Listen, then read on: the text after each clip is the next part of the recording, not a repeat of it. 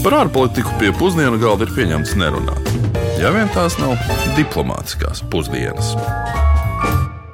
Esiet sveicināti diplomātiskajās pusdienās. Ir 2021. gada 16. novembris, pirmssvētku laiks.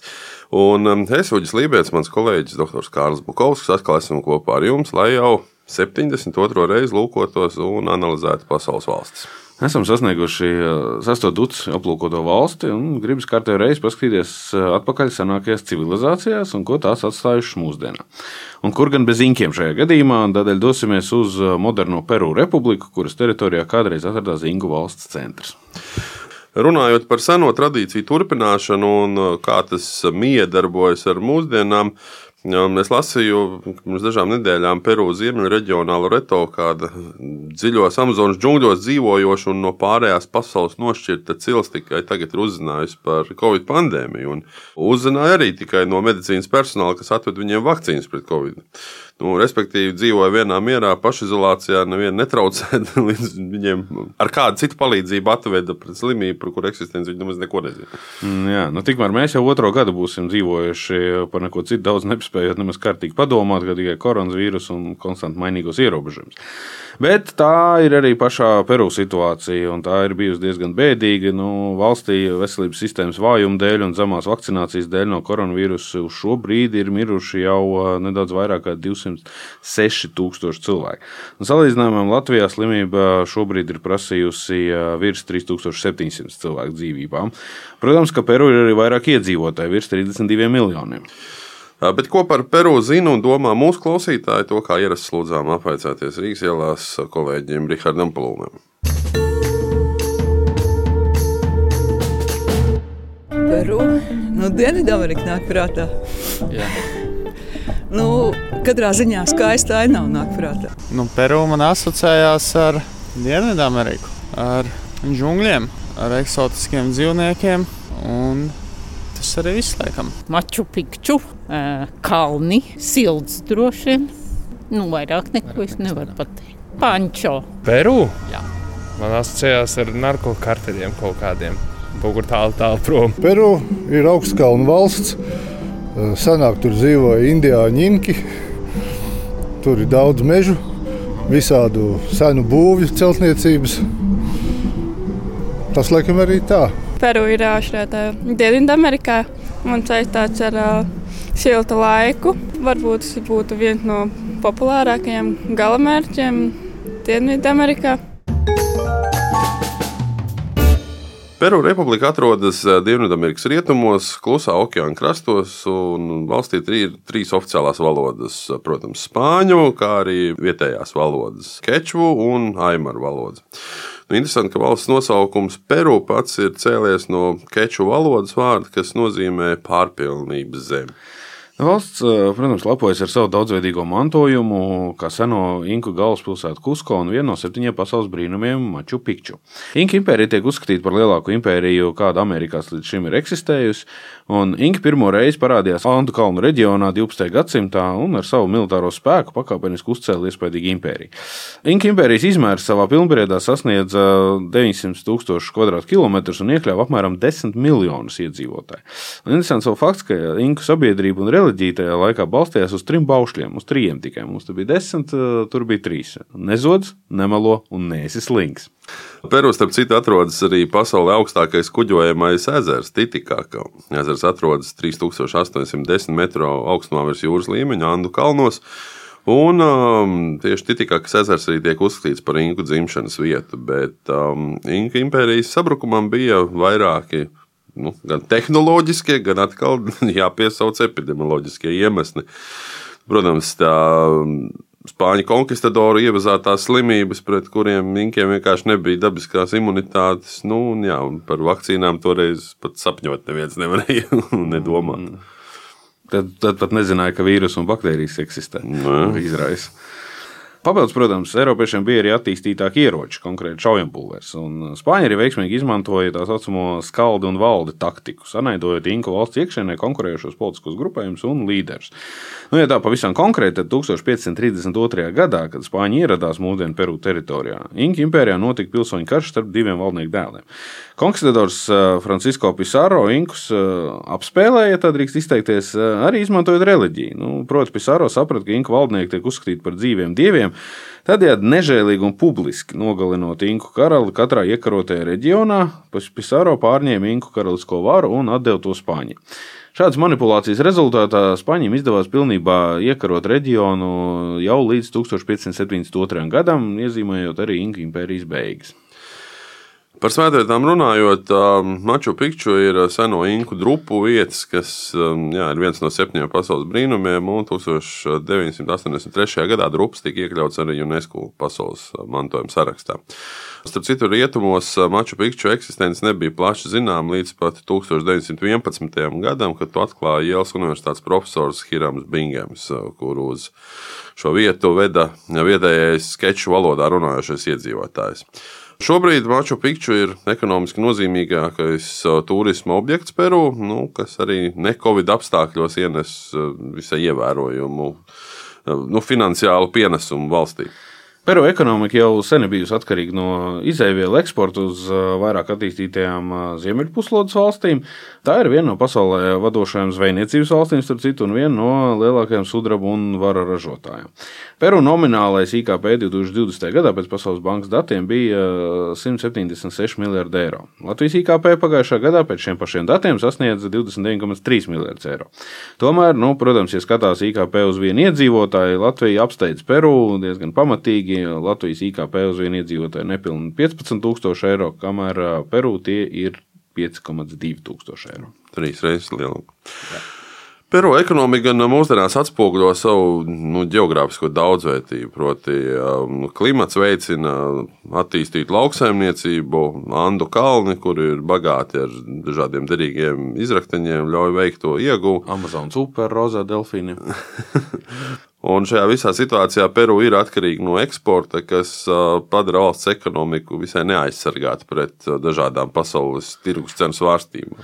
Nu, Peru ekonomiskā vēsture gan arī ir visnotaļ raiba. Valsts ir gājusi cauri daudziem ekonomiskiem eksperimentiem, no kuriem viens no interesantākajiem, manuprāt, ir Alberto Fujimori vai Fujimori, Japāņu izcelsmes, bet nu, spāniski jāizrunā neoliberālais ekstrēmisms. Fujimori bija valsts prezidenta amatā no 1990. gada līdz 2000. gadam bez partijas un bez lielas naudas, bet ar pamatīgu populismu devu Fujimori tika ievēlēts par prezidentu un visnotaļ ātri kļuva par faktisku diktatoru. Jā, Fujimori savu vēlēšanu kampaņu bija balstījis uz dažādiem populistiskiem solījumiem, kāds brīnums.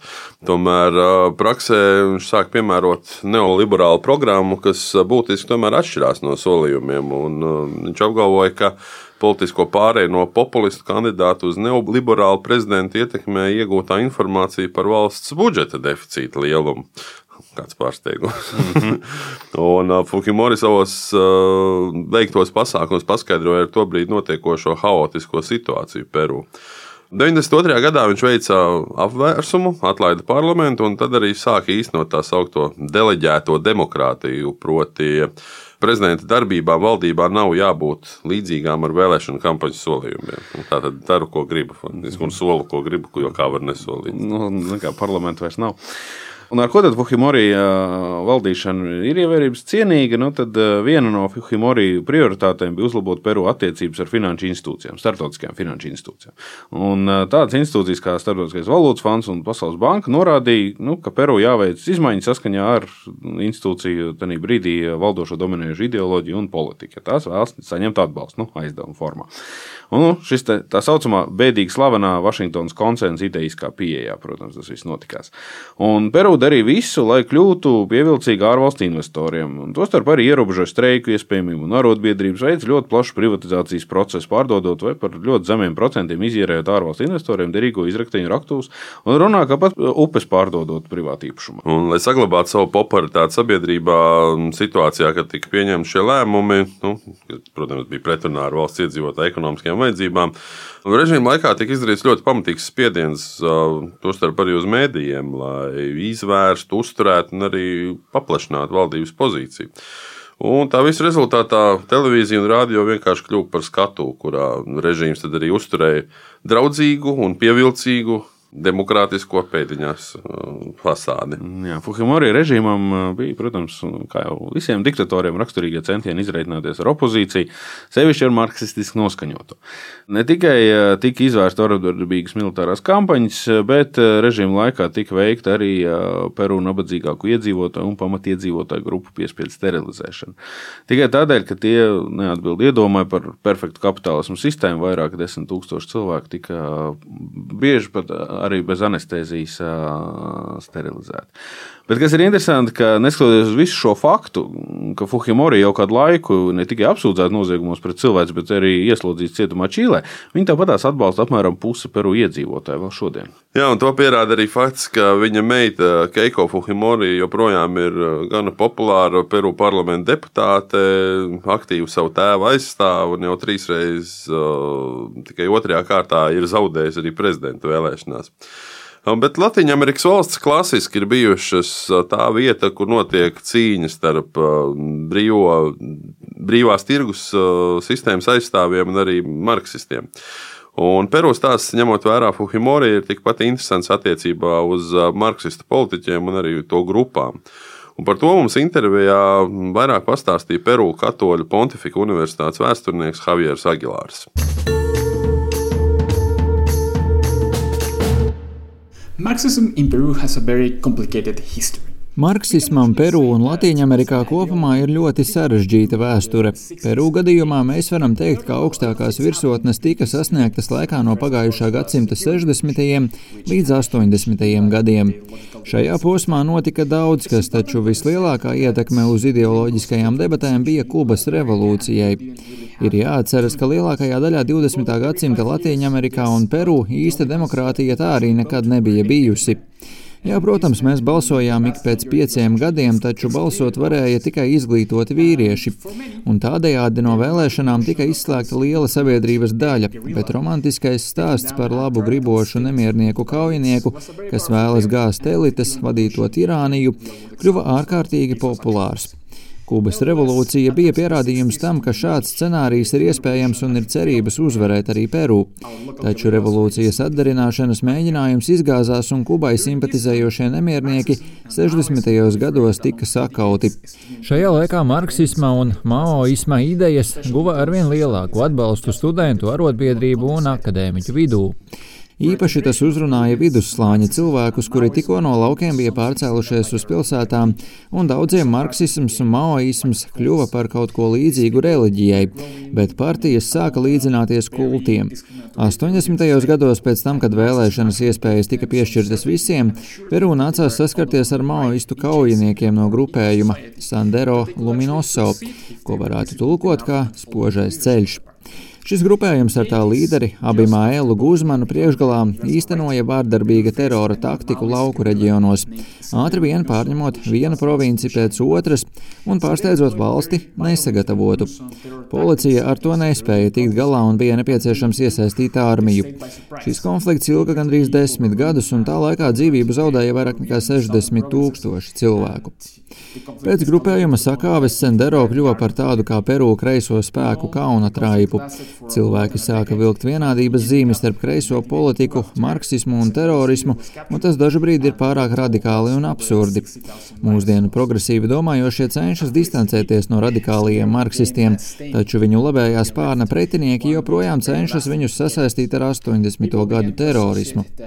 2000. gados marksisms kļuva par tādu malā nostumtu politisko ideoloģiju, un jaunākā paudze vairāk koncentrējās uz kreisi centriskajām ideoloģijām, tādām kā progresīvais liberālisms un sociāldemokrātija.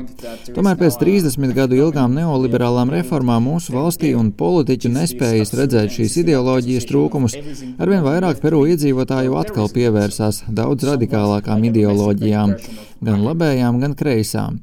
Un tieši tā no marksistu partijas tika ievēlēts mūsu pašreizējais prezidents Pedro Castillo.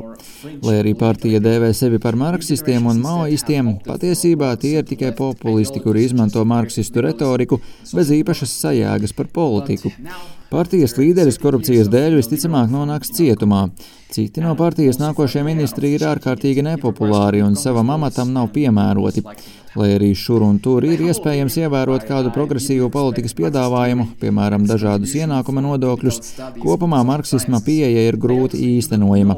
Un galvenokārt tas tāpēc, ka mūsu konstitūcijā ir ierakstīts neoliberālisms. Lai arī gaisā virmo idejas par nepieciešamību to mainīt, tam ir nepieciešams pārāk daudz balsu parlamentā, un tas visticamāk nekad nenotiks. Like for basic populist rhetoric and policies.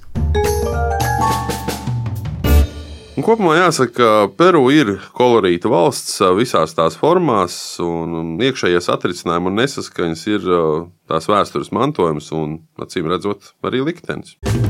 Lai cik būtu paēdis, vienmēr ir vieta arī desertam. Un tad, kad esam izstāstījuši nu, dažus nozīmīgus Peru valsts vēstures un mūsdienu raksturīgos stāstus, kā vienmēr gribās pievērsties kaut kam varbūt nedaudz vienkāršākam, garšīgākam. Desertam. Jā, nu es tev pirms pastāstīšu par kādu lietu, par ko esam minējuši jau iepriekš. Par pasaulē ceturto nozīmīgāko pārtiks produktu pēc kukurūzas, kviešiem un rīsiem. Nu, respektīvi, Peru ir viena no kartupeļu izcelsmes teritorijām. Iepriekš stāstījām, ka par oriģinālu izcelsmes teritoriju tiek uzskatīta mūsdienu Bolīvija, nu, vai respektīvi tās ziemeļgals. Bet šis skaidri nav nosakāms, tādēļ arī Peru dienvidi pretendē uz pirmā kartupeļu dzimšanas vietu. Mūsdienās lietotās kartupeļu šķirnes gan vispār nākot no Čīles un ne no Peru vai Bolīvijas vairs. Nu, vienlaicīgi tiek rēķināts, ka pašā Peru šobrīd audzē aptuveni 3,5 tūkstošus kartupeļu šķirņu. Un, um, kartupeļi bija arī viens no Inka impērijas galvenajiem pārtiks produktiem. Um, kartupeļi kļuva arī par cienījumu ēdienu, jo Inka izmantoja kartupeļus arī traumu ārstēšanai laika apstākļu prognozēšanai un pat dzemdību atvieglošanai. Bet uh, kartupeļi gan ir uh, piedevs, jāparunā arī par pamatēdienu. Un um, jūras cūciņas izskatās mīlīgas, ne? Nē, tās izskatās garšīgas. Nu, vismaz uh, daudziem peru iedzīvotājiem tā tiešām ir delikatese, kuru iesaka nogaršot arī turistiem. Un patiešām pilnā nopietnībā jūras cūciņas bieži vien tiek gatavotas veselas, proti, tas ir ar galvu, zobiem, ausīm, pārējām ķermeņa daļām. Un pagatavošanas procesā ēdiens tiek apkaisīts ar sāli, ķiplokiem, lai to āda kļūtu kraukšķīga. Šādi delikatesi tiek ēsti ar rokām, kas ir nu, pieņemams jebkurā restorānā. Un patiesībā var tikt mest daudz apmulsušu skatienu, ja jūras cūciņu jūs mēģināsiet ēst ar kaut kādiem galda piedarumiem. Jā, es apskatījos arī bildes, ar internetu atrast, kā tas izskatās. Šī apetīti īsti nerosinošā fakta arī šodien noslēgsim raidījumu. Cerams, ka izdevās radīt jūsos interesi vairāk papētīt Peru un mūsu tik nedaudz pieminētos patiesi manu izpratnē un mūsu izpratnē aizraujošos faktus par šo Latviju Amerikas valsti. Nu, varbūt tās, ka palasīsiet vēl. Man gan nav nekāda iebilduma droši vien pret jūras cūciņiešanu un arī ar rokām, bet nākamajā nedēļā būs pienākusi kārta kārtā no Āzijas valstīm. Un uh, arī mūsu klausītāji bija izteikuši vēlmi dzirdēt kaut ko par uh, Azerbaidžānu. Nu, tad arī parunāsim par Kaspijas jūru un tās ekoloģisko un arī ekonomisko likteni. Bet līdz tam, lai jauka valsts svētku nedēļa. Klausieties mums varat ne tikai Latvijas Rādio 1 viļņos, bet arī internetā LSM LV un Latvijas Rādio mājaslapā, kā arī mūzikas traumēšanas vietnēs jūsu telefonos un datoros. Uz sadzirdēšanos! Vislabāk! Diplomātiskās pusdienas katru otrdienu pusdienos Latvijas Radio 1.